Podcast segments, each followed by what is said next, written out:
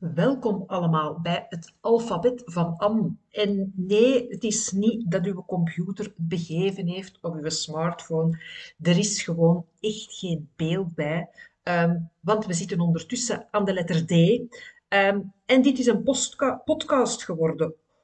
Eigenlijk om twee redenen. Ehm, ten eerste omdat ik veel te veel te vertellen had voor een video. en dacht van, dan kan ik er beter gewoon een podcast van maken dat mensen bijvoorbeeld tijdens het wandelen uh, naar mij kunnen luisteren. En de tweede reden is ook, mijn haar is nog helemaal zonder shell, uh, prikt naar alle kanten. En ja, je weet, de kappers zijn weer toe. Uh, en dus dacht ik, weet ik ga het mij gewoon gemakkelijk maken. En ik maak er ineens een podcast van. En dat is dan gewoon ineens mijn eerste podcast. En dan heb ik dus ook vanaf nu podcasts. Want, en dat is al een les als we het gaan hebben over de D, en ik heb nog niet eens verklapt waarover we het gaan hebben. We gaan het hebben over de D van doen. Hè. Um, want er, er, er waren heel veel suggesties voor de D. En het was bijna altijd doorzetten. Hè. Dus eerst ging ik het over doorzetten doen, maar, uh, um, ging ik het over doorzetten hebben. Maar, maar toen besefte ik, nee, het, het moet gaan over doen. Um, en doorzetten is daar maar een onderdeel van. Dus voilà, de D van doen. Um, en dus is dit, deze eerste podcast ook een geweldig voorbeeld van doen. Um, ik heb mij niet afgevraagd hoe dat, dat allemaal uh, technisch moet. Ehm, in de meest optimale omstandigheden. Ehm, ik ben geen speciale software gaan zoeken. Ik zou niet weten welke het, moest zijn. Ik zit hier gewoon te babbelen tegen mijn computer. mijn computer heeft een standaard uh, klein appje voice recorder en daar zit ik nu gewoon tegen te babbelen. Ehm, en dat is dus een podcast, mensen. Meer dan dat hoeft het niet te zijn. Dat is al een eerste les voor ik echt aan de inhoud van de podcast begonnen ben. Um, maak het zo eenvoudig mogelijk. Wat is de reden um, dat ik ook echt gekozen heb voor de D van doen? Um, omdat ik heel veel berichten kreeg uh, de laatste anderhalve week van Anne, ik wil wel aan dit of dit beginnen, maar het lukt me niet. Ik stel het altijd maar uit. Uh, ik ben aan iets begonnen en dan heb ik het weer twee maanden uh, laten liggen. Uh, dus het was wel duidelijk een thema dat in de lucht hing. En ja, ik ga natuurlijk ook in de podcast weer bloed eerlijk zijn tegen jullie. Eigenlijk is dat nog gemakkelijker om in een podcast bloed eerlijk te zijn dan om bijvoorbeeld in een nieuwsbrief um, of een video, want ik heb het gevoel uh, dat ik gewoon um, bij een koffietje uh, tegen jullie zit te babbelen. Dus waarom was het ook voor mij zo belangrijk om deze D van doen te maken? Ja, mijn boek, hè, mensen. Mijn boek dat nu al van in de zomer geschreven moet worden, aanhalingstekens, zal worden, aanhalingstekens, zou moeten worden, aanhalingstekens. En, en, het, en ik stel het ook maar uit. Voilà. Dus de podcast is voor jullie en geeft heel belangrijke inzichten over waarom is het vaak zo moeilijk aan iets te beginnen, maar ook heel concrete strategieën hoe we dan aan iets kunnen beginnen. Want daar komt het altijd weer op neer. Je kunt natuurlijk de meest fantastische ideeën hebben voor een boek, voor een bedrijf, um, voor een nieuwe inrichting van uw huis, um, voor een nieuwsbrief, voor een video, voor een workshop. Um, als we het niet gaan doen, als we niet in actie komen, dan komt er ook niks van. Voilà.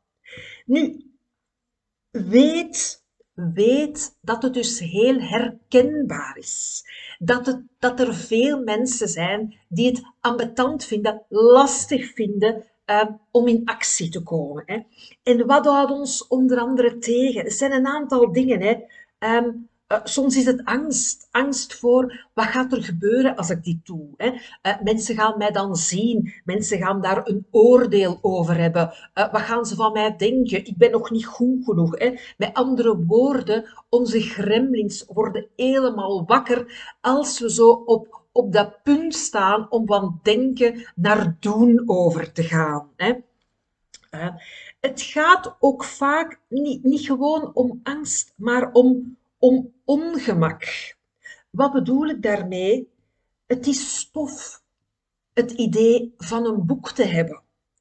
Maar een boek schrijven is niet altijd zo gemakkelijk. En dan bedoel ik ermee echt het ongemak van te gaan zitten en te typen, van het niet altijd te weten ook, ehm, van de onduidelijkheid in te gaan hè, en, en van u daaraan te durven overgeven. Uh, dat is heel belangrijk, uh, maar dat maakt dat vaak ambetant is zo, die een drempel overstappen van denken naar doen. Hè? Want het doen voelt niet altijd, zeker niet in het begin, voelt niet altijd even gemakkelijk. Hè? Uh, uh, ik, ik, geef bijvoorbeeld al, al, al heel lang workshops. Hè. Ik geef nu vrijdag bijvoorbeeld terug uh, mijn, mijn instapworkshop. Oké, daar heb ik nu geen stress meer van, hè, want dat heb ik al heel dikwijls gedaan. Um, maar als dat nieuw is, als we dat nog niet goed weten, ja, dan is dat eigenlijk heel normaal dat ons lijf dat ongemakkelijk voelt. Hè. Um, en, en, en dus is het heel normaal dat we daar die drempel voelen. Hè. Uh, het, het ongemak, het onbekende, het niet weten. Hè. Alleen, en dat is dus een hele belangrijke, dat is essentieel. Hè. Als je maar één ding onthoudt uit de podcast, dan wil ik dat je dit onthoudt. Het wordt erger als we het niet gaan doen. De angst of de angst voor het ongemak of het opzien tegen het onbekende of het onduidelijke wordt alleen erger als we blijven uitstellen. En hoe komt dat? Omdat ons lijf altijd iets vermijdt vanuit um, een voor ons lijf gegronde angst. Uh, ons lijf denkt van oei, oei, oei, oei, uh, dat boek schrijven um, en de kritiek die daar misschien op gaat komen, um, dat gaat echt zo onaangenaam zijn. We, gaan misschien wel dood. En ik gebruik met opzet het woord dood. De dingen waarvoor dat we bang zijn, die hebben bijna nooit te maken met hier en nu. Het is te zeggen, we kunnen ook bang zijn in het hier en nu. Hè. En terecht. Hè. Dat je bang bent om een heel drukke straat over te steken zonder naar links en rechts te kijken of zonder dat het licht op groen staat. Terecht dat we daarvoor bang zijn. Maar zoveel van onze angsten in ons moderne leven gaan niet over het hier en nu. Die zijn een reflectie van wat we als kind ervaren hebben. Hè? Um, omdat, ons, omdat ons emotioneel brein denkt uh, dat een situatie in het hier en nu terug hetzelfde is als vroeger. Hè? Vroeger, toen we als kind afhankelijk waren, toen we geen tijdsbesef hadden. Hè? En als ons emotioneel brein dus meent een situatie in het hier en nu terug te herkennen, dan worden we dus heel bang. Hè?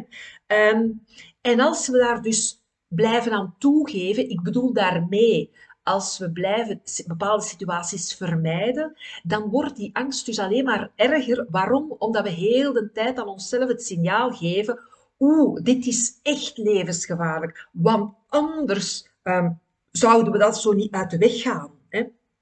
En dat is ook iets dat je bijvoorbeeld ziet bij, andere angststoornissen. Ik noem nu bijvoorbeeld pleinvrees of hoogtevrees. Ehm, als je dat uit de weg gaat, wordt dat alleen maar erger. Ik herinner mij, en dat is een heel helder voorbeeld dat mij nog altijd voor de geest staat. Ik denk dat dat, dat moet al lang geleden zijn. Volgens mij was dat voordat onze dochter uh, geboren is. En die is, die is al, al 15 geworden. Ik denk dat het tevoren was. Um, was ik, was ik een dag in Londen, denk, of een dag of zo, ik denk over en weer. En je weet, in Londen, in die museums en in die metro's en zo, je heel veel roltrappen. Hè? Uh, en, en, ook hoge roltrappen. Hè? Niet zo gewoon zo één verdiepingsje, maar zo veel roltrap na elkaar. Hè? Nu, ik ben altijd al niet zot geweest van roltrappen, meer bepaald het naar beneden stappen. Naar boven, Sava, geen probleem. Daar stap ik op en dat is geen probleem. Maar zo, een roltrap naar beneden, zo die eerste stap, weet je? Zo ik voel het terwijl ik het nu zeg. Hè. Het is alsof ik voor die roltrap sta. Zo, dan voel ik zo die aarzeling. Maar wat, als dat dan zo één verdiep is, ja, dan stap ik daar toch maar op. En, en, dan, en, en eens dat je stap gedaan is, is het ook gedaan. Hè. Bij mij is het echt die eerste stap op die roltrap stappen en dan daarna is niks meer. Het is niet dat ik heel de tijd op die roltrap sta te bibberen, maar die eerste stap is echt wel zo elke keer een drempel overwinnen. Hè. Nu, in Londen was dat, was dat nog wat erger, want ja, dat waren zo van die ik keek naar beneden en dat was zo kilometers ver. Hè? Ik overdrijf, hè? Uh, maar echt zo diepe roltrappen. En dus, en dus was die drempel nog groter. Um, en op een bepaald moment zei ik van, weet je, ik ga niet met de roltrap, ik ga dan met de trap. Dus ik met de trap, hè, want daar is bijna altijd een trap naast, hè, want ja, dat moet ook voor de veiligheid natuurlijk. Hè. Dus ik de trap naar beneden.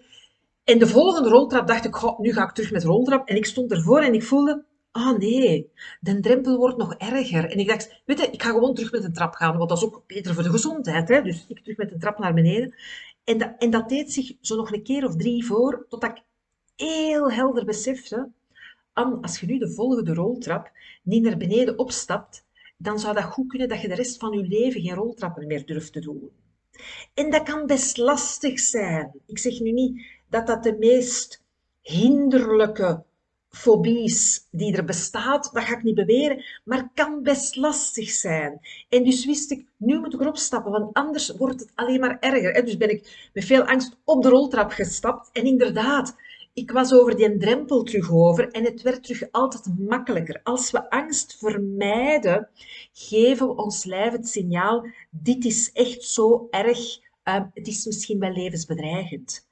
Maar elke keer als we terug kunnen komen naar het hier en nu en als we kunnen ervaren in het hier en nu van, wow, dit was misschien onaangenaam en ik leef nog, geven we echt aan onszelf het signaal van, oké, ik, ik voelde uh, echt een angst, maar de realiteit is anders. En dat geldt dus voor het opstappen op roltrappen, maar dat geldt ook voor alles wat we doen in ons bedrijf. Hè.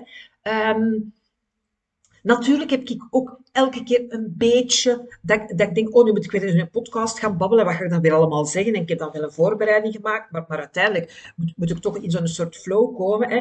Elke keer tevoren denk ik dan wel zo van, oh nee, wat ga ik zeggen? Hè? Of voor een webinar, want ja, het is nu de eerste keer dat ik een podcast doe, maar, maar het is eigenlijk een beetje hetzelfde als babbelen tijdens een webinar. Hè? Uh, maar elke keer dat ik dat doe, geef ik mijn lijf het signaal, dit was niet levensbedreigend. We hebben het overleefd. En dan verdwijnt angst. En dat is een hele belangrijke. Het besef dat als we wachten, dat we het alleen maar erger maken. Uh, niet voor niks is een van mijn lievelingsuitspraken, een van mijn lijfspreuken, die mij elke keer terug um, op gang, op, in gang zet, is action cures fear. Actie geneest de angst. Hè?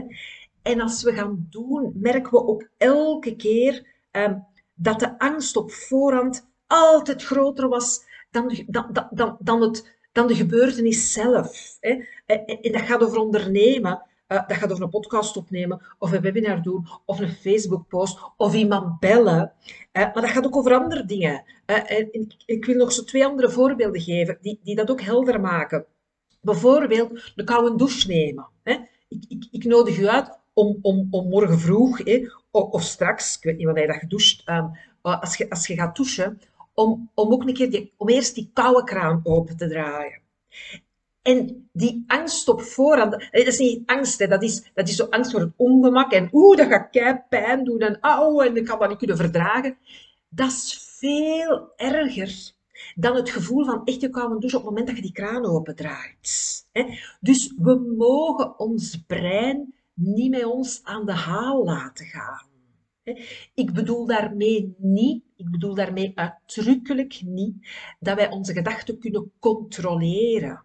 Wij kunnen niet onze gedachten aan en uitzetten. Zo werkt ons brein niet. Maar we kunnen wel leren om gedachten te herkennen voor wat ze zijn. Om ze te herkennen als gedachten. Als gedachten die misschien heel sterke emoties met zich meebrengen, ehm, maar dat we echt kunnen gaan kijken, klopt dit nu? Klopt dit? Is dat een gedachte en een emotie waar we moeten naar luisteren? Of is dat eerder een gedachte en een, en een bijbehorende emotie, um, waar dat we, ik ging niet zeggen waar dat we door moeten, dat is niet het juiste, maar waar dat we in de actie moeten, zodat we kunnen ervaren, dit is niet waar. Hè? Zoals de gedachte aan de koude douche veel erger is dan het voelen van de koude douche op zich. Hè? Zoals voor iemand zoals ik die niet graag belt, het denken aan iemand bellen veel erger is, elke keer opnieuw, dan het daadwerkelijk op het groene telefoontje drukken en het bellen op zich. Excuseer, want daar ben ik nog nooit dood van gegaan. Daar ben ik nog nooit dood van gegaan. Integendeel, dat is altijd zoveel beter meegevallen um, als ik op voorhand altijd dacht. Hè. Dus actie is het enige wat werkt. Actie is het enige wat het ongemak uiteindelijk wegneemt. Actie is het enige wat het, de onduidelijkheid op de duur uh, wegneemt. Hè.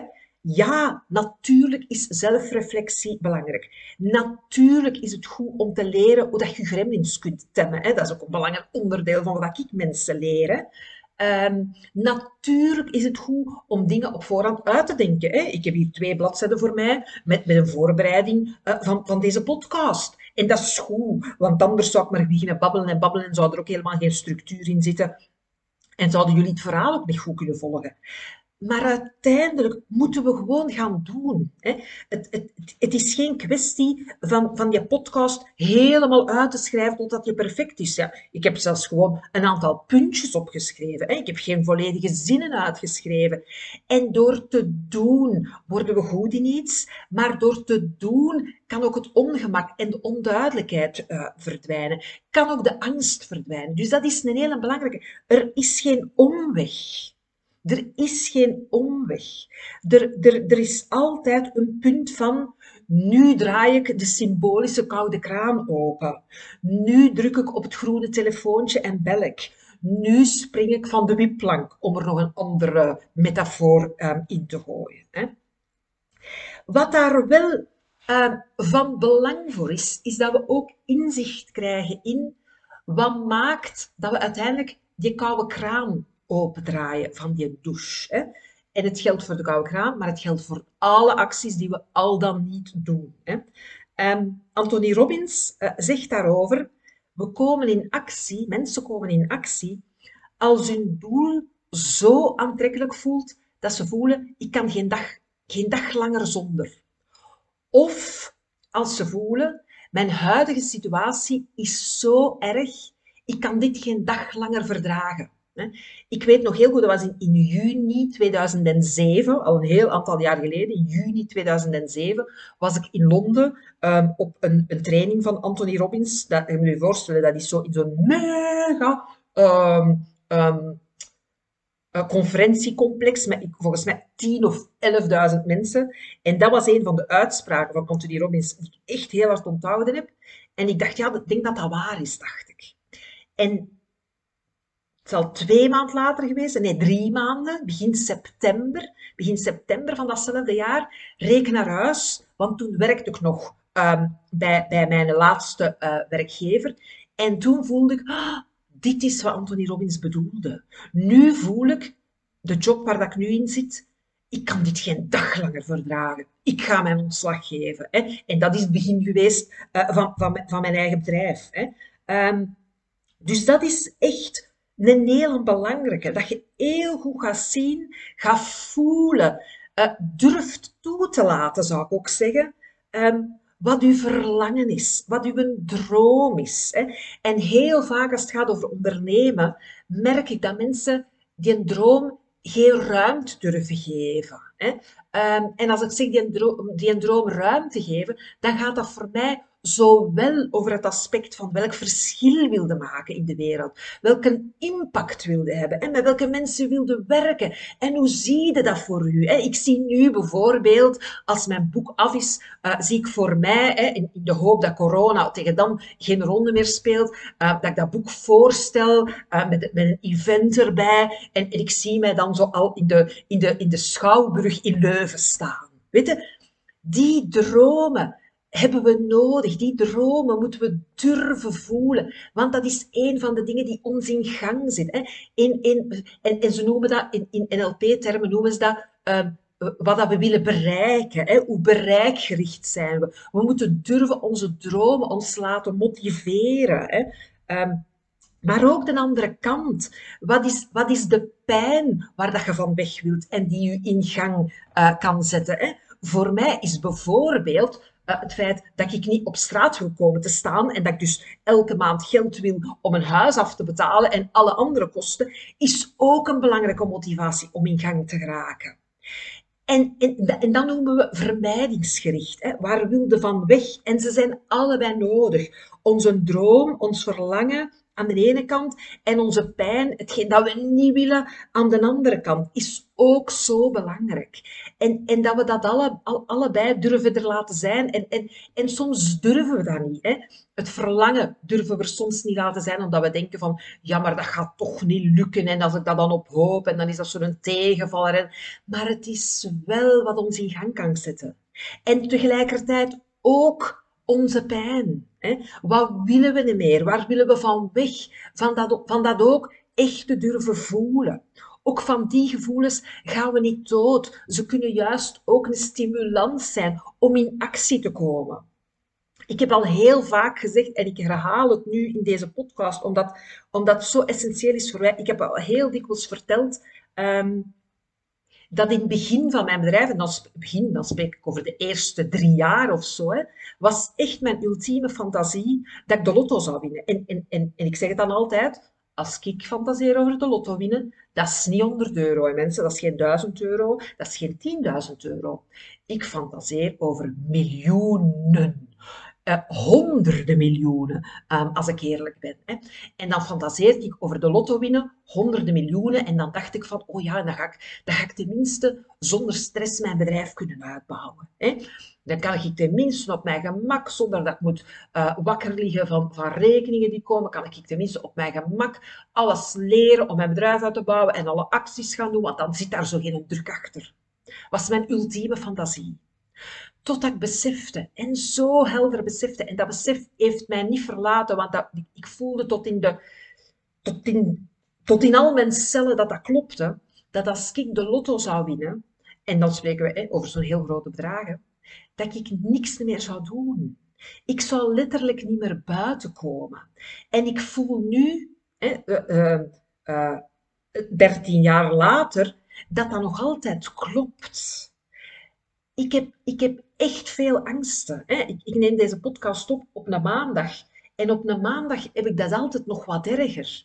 Want dan ben ik zo in het weekend, hè, heb, ik zo, heb ik dan zo niks gedaan waar ik echt kan van genieten. Want ik kan zo genieten van een weekend gewoon niks doen en een beetje rondhangen en een beetje Netflixen. En, en, en ja, nu was dat dan ook de, de Amerikaanse verkiezingen volgen en hopen op een goede uitslag en zo. Ehm, en dan komt je maandag en dan moet ik terug, hè, tussen aanhalingstekens. Dan is er iets in mij dat dat gevoel heeft, oh nee, nu moet het terug. Hè.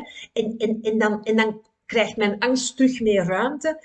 En dan is het zo belangrijk dat ik die financiële must heb. Want anders zou ik echt stilvallen. Ik, ik, ik koop dus ook nooit een lottobiljetje, omdat ik weet, ik weet hoe klein de kans is hè, dat je echt uh, uh, de lotto wint. En, en ik weet hoe, hoe, hoe infinitesimaal, ik kan dat woord nooit uitspreken, hoe, hoe, hoe enorm klein de kans is dat je zo'n heel groot bedrag wint. Hè. Ik ben me daar volledig van bewust. Maar ik mag het risico niet lopen. Want als die push uh, weg zou zijn, zou ik niks meer doen. En het zou eeuwig zonde zijn. Het zou eeuwig zonde zijn voor mezelf, maar natuurlijk ook voor mijn klanten. Deze podcast zou er niet zijn. Ik zou niet zeggen van, oh, ik ga dan gewoon een keer heel relaxed een podcast opnemen. Nee, ik heb echt die, die, combi van, van mijn droom, mijn verlangen, uh, mijn doel, hè, kun je het ook noemen, en de combi van wat ik niet wil, Ehm, die combi heb ik echt nodig om in gang te geraken. Dus durf dat ook echt te voelen. Stop dat niet weg. Uh, ontken dat allemaal niet. Want we ontkennen dat vaak uh, omdat we niet weten hoe we met al die gevoelens moeten omgaan. Maar ze kunnen ook juist een drijfveer worden. Van daar wil ik naartoe en daar wil ik van weg. En en passant verwezenlijken we ons missie. Zo'n belangrijke.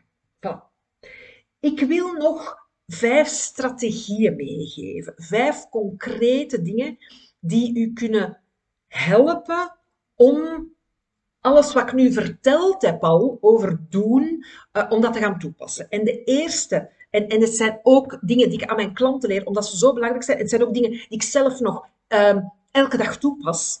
De eerste strategie is beginnen. Telkens opnieuw beginnen. Ja, maar Anne, hoor ik u nu zeggen, als ik daar geen probleem mee had mee beginnen, dan zou ik nu naar de podcast niet aan het luisteren zijn. Want dan zou ik waarschijnlijk in deze tijd mijn eigen podcast aan het opnemen zijn. Hè? En ik hoor u, dus ik wil nog iets toevoegen. Gebruik de vijf minuten methode. Zet uw, uw gsm een wekkertje. Ik heb zo, zo, zo rode tomaat, uh, keukenwekkertje van de Ikea. Hè. Uh, zet dat op vijf minuten en begin vijf minuten. En, en, en de clue is, geef uzelf de absolute toestemming om na vijf minuten te stoppen. Geef jezelf de absolute toestemming. Het is niet dat je jezelf voor de gek houdt met vijf minuten en dat je eigenlijk al weet, ik ga, ik ga dat moeten afwerken. Nee, nee. Je moogt echt na vijf minuten stoppen. Maar het interessante is dat in 99,9% van de gevallen dat je na vijf minuten al over uw initiële drempel van ongemak, angst, onduidelijkheid bent. En dat je dus in 99,99% van de gevallen gaat verder doen na je vijf minuten. En dus het gaat nooit om doorzetten. Het gaat gewoon om telkens opnieuw beginnen. Vijf minuten met een keer. Zodat je elke keer opnieuw kunt, kunt gaan voelen. Dit was onaangenaam en ik heb het overleefd. Dit was onaangenaam en ik heb het overleefd. En zodat je kunt beginnen voelen na een keer of vijf, of een keer of tien, of een keer of twintig, of een keer of vijftig. Wow, het wordt elke keer gemakkelijker. Zoals het voor mij elke keer gemakkelijker wordt van een nieuwsbrief te schrijven, zoals het voor mij elke keer gemakkelijker wordt van een Facebook-post te sturen, zoals het voor mij elke keer gemakkelijker wordt om een lezing te geven. Is er nog een drempel? Ja, bij een aantal van die dingen wel. En hij wordt altijd minder. Dus beginnen de vijf minuten methode. En zet echt uw wekker. Ik kan u verzekeren, als je dat wekker zet, wat ik dan dus echt doe met mijn, met mijn tomatenkeukenwekker, hoe dat ik altijd verschiet na vijf minuten, omdat ik na vijf minuten echt al in de flow zit. Hè. Dus ik begin te werken, mijn wekker gesteld op vijf minuten. Ik denk, met dat getik van dat keukenwekker kan ik niet werken, hè, denk ik dan. Maar ik denk, kom, het is toch maar vijf minuten, uh, whatever. Na die vijf minuten, terwijl dat wekkerken hier keihard staat te tikken vlak naast mijn hoofd, schrik ik mij altijd een ongeluk, omdat ik na die vijf minuten al in de flow zit. En wat ik dan vaak doe, uh, is dat ik hem nog eens tien minuten verder zet. Want, want bij mij staan soms zo, als dat dan dat wekker gegaan heeft, dat, dat, dan, dan denk ik, ja, nu moet ik het alleen kunnen, maar het werkt dan toch nog niet. En dan zet ik hem bijvoorbeeld op tien minuten. En als vijf minuten voor u nog te lang is, dan zet hem op drie minuten. Of op twee, of op één. Alles om te kunnen ervaren, dit was onaangenaam, en het viel eigenlijk beter mee als ik op voorhand gedacht had. Zoals de koude douche. De tweede, en dat is iets wat ik, uh, nee, niet vorige week, twee weken geleden, van Erik Michels geleerd heb. En Erik Michels, je moet hem maar eens googelen, die legt het verband tussen uh, topsport ehm, en, en, en ondernemen. En die leert dus ook mensen wat dat wij kunnen leren van de, van de mindset van topsporters en meer bepaald van, van duursporters. En Erik verwoordde het als volgt. Het, gaat niet om, het gaat niet om volhouden, het gaat, om door, het gaat niet om doorzetten, het gaat om weigeren het op te geven. Refuse to quit. Kun je voelen wat een verschil dat dat is? Refuse to quit. Toen Erik dat zei, dacht ik van, oh, maar dat is eigenlijk wat ik de, de, de, de eerste zeven, acht jaar van mijn bedrijf gedaan heb. In het begin helemaal geen omzet. Daarna wel omzet, maar niet genoeg om goed van te leven. En, en eigenlijk geloofde ik er op bepaalde momenten ook echt niet in dat het zou veranderen. Maar er was altijd iets in mij dat refused to quit. Ik, ik, ik en, en, en, Erik zei hè, tegen ons, uh, dat, is, dat is succes. Refuse to surrender, hè, of refuse to quit. En hoe kun je dat toepassen in uw bedrijf. Ik pas het ook door het sporten. Ik haat planken. Oh, wie dat, dat uitgevonden heeft. Ik, ik, ik echt niet zozeer, ik haat dan niet zozeer uh, uh, lichamelijk, lichamelijk safama.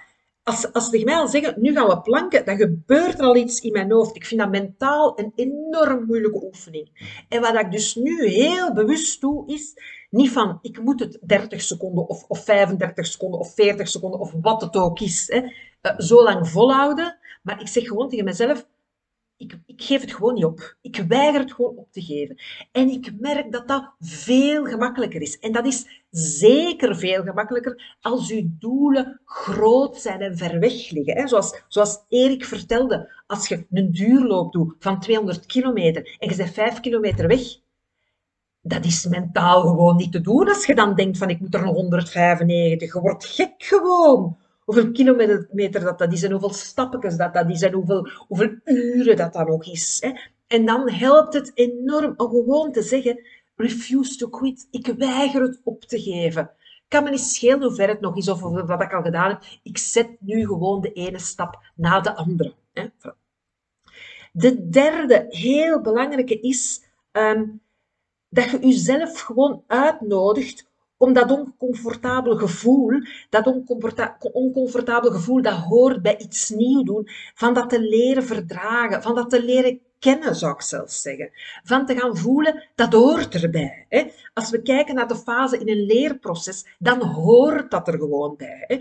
Een leerproces bestaat altijd uit dezelfde vier fases. Hè? Eerst zijn we onbewust onbekwaam we, kunnen iets niet, maar, maar, maar eigenlijk weten we ook nog niet en voelen we nog niet wat het is om dat niet te kunnen.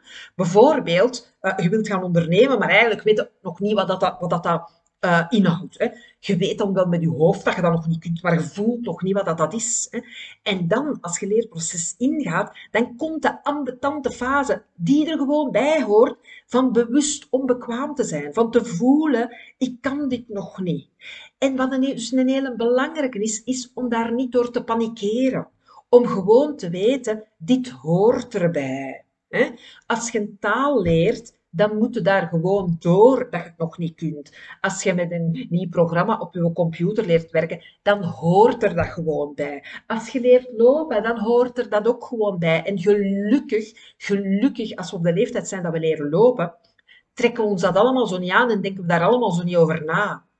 Een kind dat leert lopen denkt nooit van shit, dit voelt zo ongemakkelijk, ik ga dat nooit niet kunnen. Nee, die vallen en die staan terug recht omdat die willen lopen. Omdat die ook van de ene kant van de kamer naar de andere kant willen geraken. Hè? Dus, dus ga terug op dat vlak naar dat kind van één of anderhalf. Um, dat gewoon uh, daar niet over nadacht of dat het erbij hoorde of niet. Dat kind dan niet dacht van, oh, ik ben al vijf keer gevallen en gisteren ook al twintig keer. Ik ga dat nooit niet kunnen. Nee, een kind valt en staat terug recht. En het is pas daarna dat we daar allemaal conclusies over gaan trekken. Van oei, oei, ik heb dit al drie keer geprobeerd en het gaat nog niet. En een ander kan dat precies veel rapper. Ik zal er maar mee stoppen. Nee, het hoort er gewoon bij. En het ene iets leerde al sneller dan het andere iets. Hè? Ehm, met sporten, dat gaat bij mij niet zo rap. Ik heb niet zo heel veel evenwicht. Maar ik merk nu wel, door het te doen, gaat het wel altijd beter. Maar ik moet mij niet vergelijken met andere mensen die sporten en die daar direct, ik weet niet wat, mee weg zijn. Want dat helpt mij niet. Vergelijk alleen met jezelf. En, en, en wen aan dat oncomfortabele gevoel. Hè. Um, want, want, dat hoort erbij. Hè? Ik weet het niet, hoort erbij. Ik kan het nog niet, hoort erbij. Het zijn alleen onze gremlins die dat veel, veel erger maken, omdat onze gremlins tegen ons zeggen van, ja, je gaat het nooit niet kunnen. Als je het nu nog niet kunt, zou er maar beter mee stoppen. Wat denkt jij wie dat je bent? Hè? En, en al die stemmen maken het erger. Die maken het leerproces soms bijna niet te verdragen. En dus is ook de kunst van echt te herkennen wie er aan het woord is. Hè? En als uw gremlins aan het woord zijn, van gewoon echt te benoemen, hé, Oh, wat is de gremlin? Amai, wel een hele hevige vandaag. Hè? Zodat je die altijd sneller kunt ontmantelen. En, en ze gewoon al herkennen, is al zo'n belangrijk deel van het ontmantelen. De vierde strategie, um, en, en ook weer een die, die, die, die Erik, um, Erik Michels uh, nog eens echt naar boven haalde, uh, is trust the process. Weet natuurlijk moeten we doelen stellen. Hè? Ik heb in mijn bedrijf, ik heb doelen. Hè? omzetdoelen, die dan vertaald zijn in aantal klanten per soort traject, hè, en die dan vertaald zijn in actieplannen. En, en dat is wat nodig is bij het ondernemen. Dat is ook nodig bij topsporten. Als je zo 200 kilometer wilt gaan lopen, ja, dat kun je niet gewoon als je vandaag opstaat en dat in je kop haalt. Dan moet je echt ook wel een plan daarvoor maken, van hoe ga je dat bereiken. Hè. Maar dan komt het punt, als je dat plan gemaakt hebt, dat je dat je het proces moet gaan vertrouwen. Dat je gewoon zegt van, weet je, in mijn actieplan staat vandaag dit en dat is wat ik ga doen. En met al de rest ga ik mij niet meer bezighouden. Want ik vertrouw erop dat als ik elke dag doe wat ik te doen heb, dat het in orde komt. Dat gaat ook echt over het onderscheid zien tussen wat je onder controle hebt en wat je niet onder controle hebt. Ik denk terug aan de, aan de Amerikaanse presidentsverkiezingen, omdat op het moment dat ik dit uh, vertel, zijn we maandag en, en pas zaterdag werd, werd bekend wie, wie de presidentsverkiezingen won. En ik had echt zoiets de dagen ervoor dat ik, dat ik ook zei tegen mijn dochter van... Uh, hoe stresserend moet dat zijn voor die mensen, jong? Ik bedoel, Dinsdag zijn ze gaan stemmen, dat is woensdag. Je weet nog altijd niet wie er wint. Donderdag, je weet nog altijd niet wie dat er wint. Vrijdag, je weet nog altijd niet wie dat er wint. En er komen, er komen zo wat stemmen binnen en je gaat daar wat naar boven en je gaat daar wat naar beneden. Hoe stresserend moet dat zijn als ik zelfs mij daar al zo over opwind. Totdat ik weer besefte, nee, trust the process. Je hebt niet onder controle uh, wat dat de kiezers gestemd hebben. Je hebt het telproces niet onder controle. Je hebt niet onder controle uh, wat het resultaat gaat zijn en hoe snel dat resultaat gaat komen. Je hebt enkel onder controle wat je zelf kunt doen. Hè? Als het over de verkiezingen gaat, campagne voeren, uzelf zijn, de, naar buiten komen met je echte boodschap. Dat is wat je onder controle hebt. Dat is ook wat wij onder controle hebben als het gaat over ons bedrijf. Hè? Uw marketing goed doen, met uw klanten praten, um, Mensen vertellen wat dat je doet. Maar hoeveel mensen er ja zeggen, dat heb je ultiem niet onder controle. En, dus, en, en maak daar heel duidelijk een onderscheid tussen. Want proberen dingen onder controle te hebben die we niet onder controle hebben, dat is een enorme bron van stress. Enorme bron van stress. En het is ook heel vaak een trauma-overlevingsstrategie. Hè?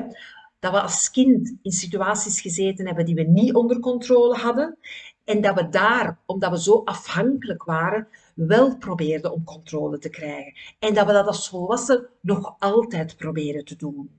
Maar zo belangrijk om als volwassenen te beseffen dat die strategie ons niet meer helpt. En dat het ons nu echt helpt om te zien, wat kan ik zelf doen en wat kan ik gewoon niet doen. Uh, ik kijk nu even naar heel de coronasituatie. Wij hebben als individuen de economie niet onder controle. We kunnen alleen maar zien wat heb ik zelf te doen, wat kan ik zelf leren, wat kan ik zelf anders aanpakken. Hè? En daar een heel duidelijk onderscheid tussen maken. En dan als je ziet van dit is wat ik kan doen, dit zijn mijn kleine mini-stapjes, trust the process. Niet elke dag um, u zitten afvragen, ja maar gaat het wel werken? Gaat het wel lukken? Nee, doe wat je te doen hebt en trust the process. En dan kom ik nog bij strategie 5. We zijn begonnen met strategie 1, de 5 minuten methode. Uh, strategie 2, refuse to quit, in plaats van te moeten doorzetten of volhouden. Uh, strategie 3, leren dat dat oncomfortabele gevoel, dat dat hoort bij leren. Dat hoort er gewoon bij leren. Dat is best bij iedereen die iets nieuw leert. Hè. En punt 4, trust the process. En punt 5 is, Maak het jezelf zo gemakkelijk mogelijk. Die vijf minuten methode is daar een voorbeeld van, maar er zijn nog andere uh, uh, manieren. Neem kleine stapjes. Ik had met deze podcast kunnen denken, oei wat moeten we nu allemaal doen? Uh, ik moet uitzoeken hoe dat, dat technisch allemaal op bepaalde podcastplatformen moet. Uh, ik moet een intro uh, allemaal zoeken, dus gewoon muziekje en dat ze dan zo het alfabet van een podcast of zoiets. En, en een outro met de muziekje en zo. Uh, had ik allemaal kunnen doen. Heb ik niet gedaan. Heb ik niet gedaan. Ik heb gewoon gezien, ah ja, ik heb eigenlijk al een app op mijn computer waar dat ik soms ook feedback voor klanten mee inspreek. Dat zal wel volstaan. Dus kleine stapjes ineens. De tweede strategie die, die helpt om het ons zo gemakkelijk mogelijk te maken, is hulp vragen. Want natuurlijk, uh, kun je nu zeggen, ja maar Anne, je zit dat hier nu allemaal wel aan het opnemen, maar op een of andere manier zijn er toch in geslaagd om dat aan ons te bezorgen, hè? Uh, want anders zouden wij uw stem nu niet horen. Ja, maar ik heb hulp gevraagd. Hè? Mijn assistente Liesbeth, uh, die is veel beter in die technische dingen, dus ik heb haar direct gezegd van, Liesbeth, ik ga u een opname doorsturen. Hoe moeten we dat nu verder doen? Dus durf hulp vragen. Hulp vragen is juist een, een, een teken van zelfleiderschap is geen teken van zwakte. Integendeel. En de derde, en ze horen allemaal wat met elkaar, kleine stapjes, hulp vragen, accountability. Zorg ervoor um, dat, je, dat, je, dat je bij iemand accountable bent. Bijvoorbeeld bij mij met sporten, ja, ik doe dat niet op mijn eigen. Ik ga twee keer per week ga ik naar de kine. Als ik dat niet had, mensen, ik zou het misschien ooit één keer gedaan hebben. Daar moet ook eerlijk in zijn. Dat, dat hangt heel hard samen voor mij met je, met je hulp vragen. Als je weet dat je nu op dit moment voor dit stuk niet zelf de zelfdiscipline hebt, zoek dan mensen aan, van wie dat je de accountability partner kunt zijn en zij voor u. Um, ik weet nog heel goed, mijn, mijn eerste website heeft een jaar geduurd, heel online was, echt letterlijk een jaar.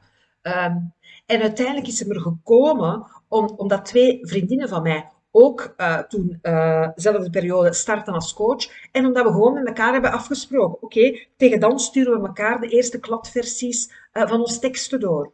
Als zij er niet waren geweest, het had misschien nog een jaar langer geduurd. Who knows? Hè?